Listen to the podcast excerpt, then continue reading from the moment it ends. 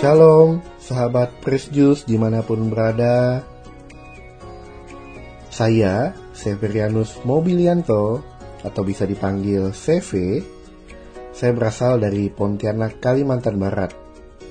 Saya adalah salah satu member dari OMK dari Press Juice 12. Sebentar lagi, kita akan mendengar Renungan Harian Katolik, Senin 22 Januari 2024 bersama Ima Kristanti dari Paroki Gembala Baik, Kota Batu, Malang. Selamat mendengarkan.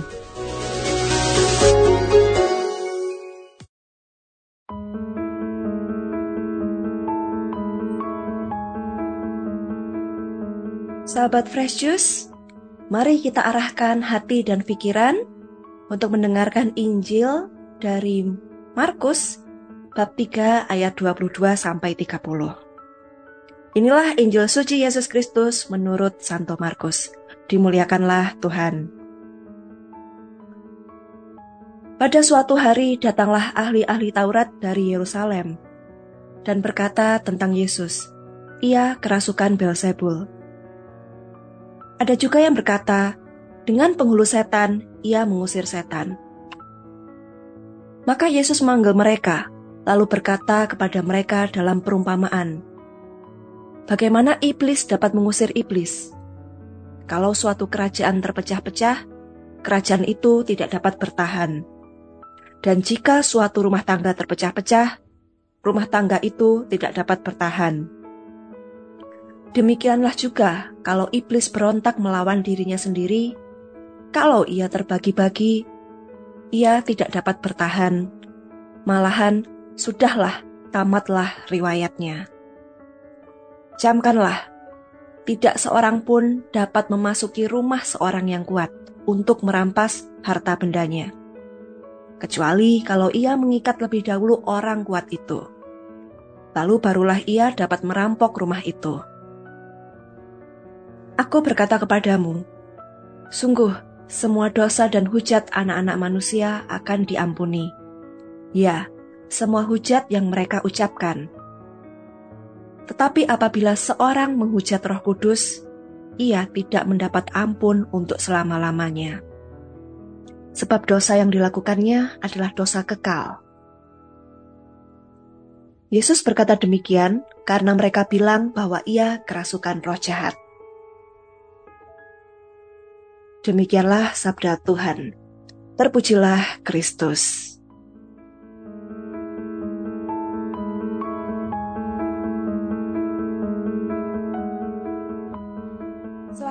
Pagi sahabat Fresh Juice. Bertemu kembali dengan saya Ima Kristanti dari Paroki Gembala Baik Kota Batu. Bagaimana kabarnya pagi ini? Saya doakan agar hari Anda berjalan dengan lancar, Anda serta orang-orang terkasih selalu dalam perlindungan Tuhan. Injil Markus mengisahkan adanya tiga reaksi yang berseberangan yang dilakukan oleh orang-orang yang ditemui oleh Tuhan Yesus.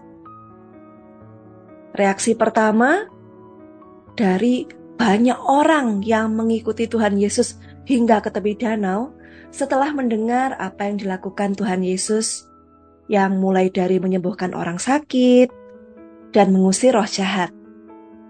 Bahkan kalau ada roh jahat yang melihatnya, mereka jatuh tersungkur di hadapannya dan berteriak, Engkaulah anak Allah.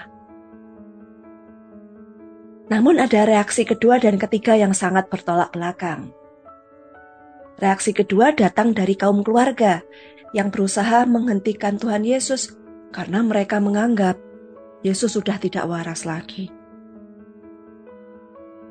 Serta reaksi ketiga yang kita dengarkan dalam Injil hari ini datang dari ahli Taurat yang bekerja sama dengan para Herodian mengatakan Yesus kerasukan setan, bersekongkol dengan kuasa roh jahat, sehingga dapat mengusir setan. Sahabat Fresh Juice yang baik hatinya, Tuhan Yesus datang ke dunia ini salah satunya adalah untuk membebaskan manusia yang ditindas iblis dan dosa, memerangi kuasa kegelapan. Dalam perumpamaan yang dikatakannya, Tuhan Yesus mengecam orang yang hanya melihat kejahatan, tidak bisa mengenali kebaikan, serta menegaskan bahwa salah satu ciri rumah yang dapat bertahan adalah yang utuh, tidak terpecah-pecah. Yang dimaksud oleh Tuhan Yesus adalah rumah yang kuat, yang terlindungi dengan sangat baik, sehingga orang yang berniat jahat tidak dapat masuk untuk merampok benda-benda berharga. Karena iblis selalu berusaha merampas iman kita, agar kita pun tahluk dan berbuat dosa. Diri kita ibarat rumah, perlu dijaga dan dilindungi dari upaya iblis ini. Ada seorang rekan yang menyampaikan pada saya, sebuah rumah yang tidak terlindungi itu adalah ketika tidak memiliki atap. Analogi ini ditujukan untuk keluarga-keluarga yang tidak mempunyai kebiasaan doa bersama di rumah. Ada rumahnya, tapi tidak ada atapnya. Kata rumah tadi juga sama seperti istilah gereja ya. Gereja yang dimaksud itu bukan fisik bangunannya, tapi merupakan kumpulan orang beriman. Nah, bicara tentang rumah, sahabat Fresh Juice yang tinggal serumah dengan keluarga, saya mau bertanya, kapan terakhir kali Anda berdoa bersama di rumah? Ya, namanya serumah, seiman, mestinya juga seamin. Namun juga banyak ya dari pendengar Fresh Juice yang tinggal sendiri di rumah, di kontrakan, atau di kosan. Oh, gak masalah. Bukan berarti Anda adalah rumah yang tidak kuat ya. Tetaplah buat kebiasaan rutin berdoa serta membaca firman Allah. Mungkin juga bisa mengajak keluarga serta orang terkasih untuk berdoa bersama lewat media video call, atau pakai aplikasi meeting online. Temukanlah cara lain yang paling nyaman dan cocok bagi Anda agar bisa berdoa dan rutin untuk membangun kebiasaan ini. Dengan demikian, kita pun perlu merenovasi rumah kita, membuat atap yang kuat dan meneduhkan. Kalau perlu, buat benteng pertahanan yang paling kuat. Dimulai dari diri kita sendiri dan keluarga. Siapkan tempat bagi roh Allah diam dan meraja dalam akal dan budi kita. Kita perlu meluangkan waktu untuk tenang dan berdoa. Jika ingin mendengarkan suara Tuhan, maka perlu membuka hati dan mengizinkan Allah untuk meraja dalam hati kita untuk berbicara dan bersabda. Dengan demikian, rumah kita menjadi kuat. Kesudahan setan telah tiba dan tidak sangguplah iblis merampas iman kita. Maka mari kita akhiri renungan ini sekaligus membuka hari kita dengan berdoa. Dalam nama Bapa dan Putra dan Roh Kudus. Amin.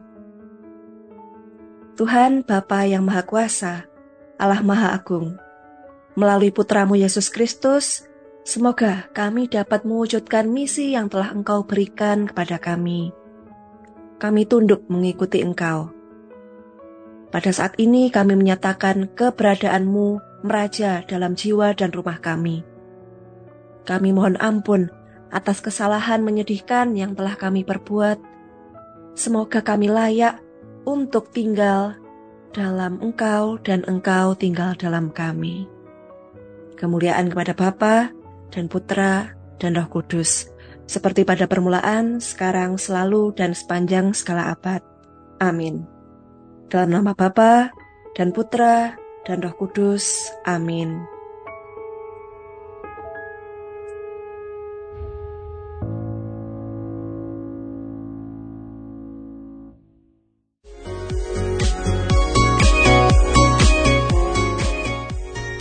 Terima kasih Kak Ima atas renungannya hari ini.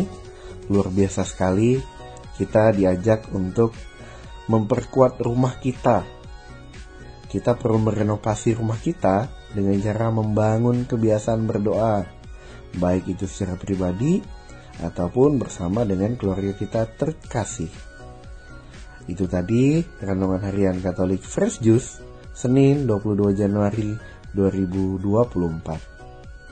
Saya CV dan Kak Ima pamit.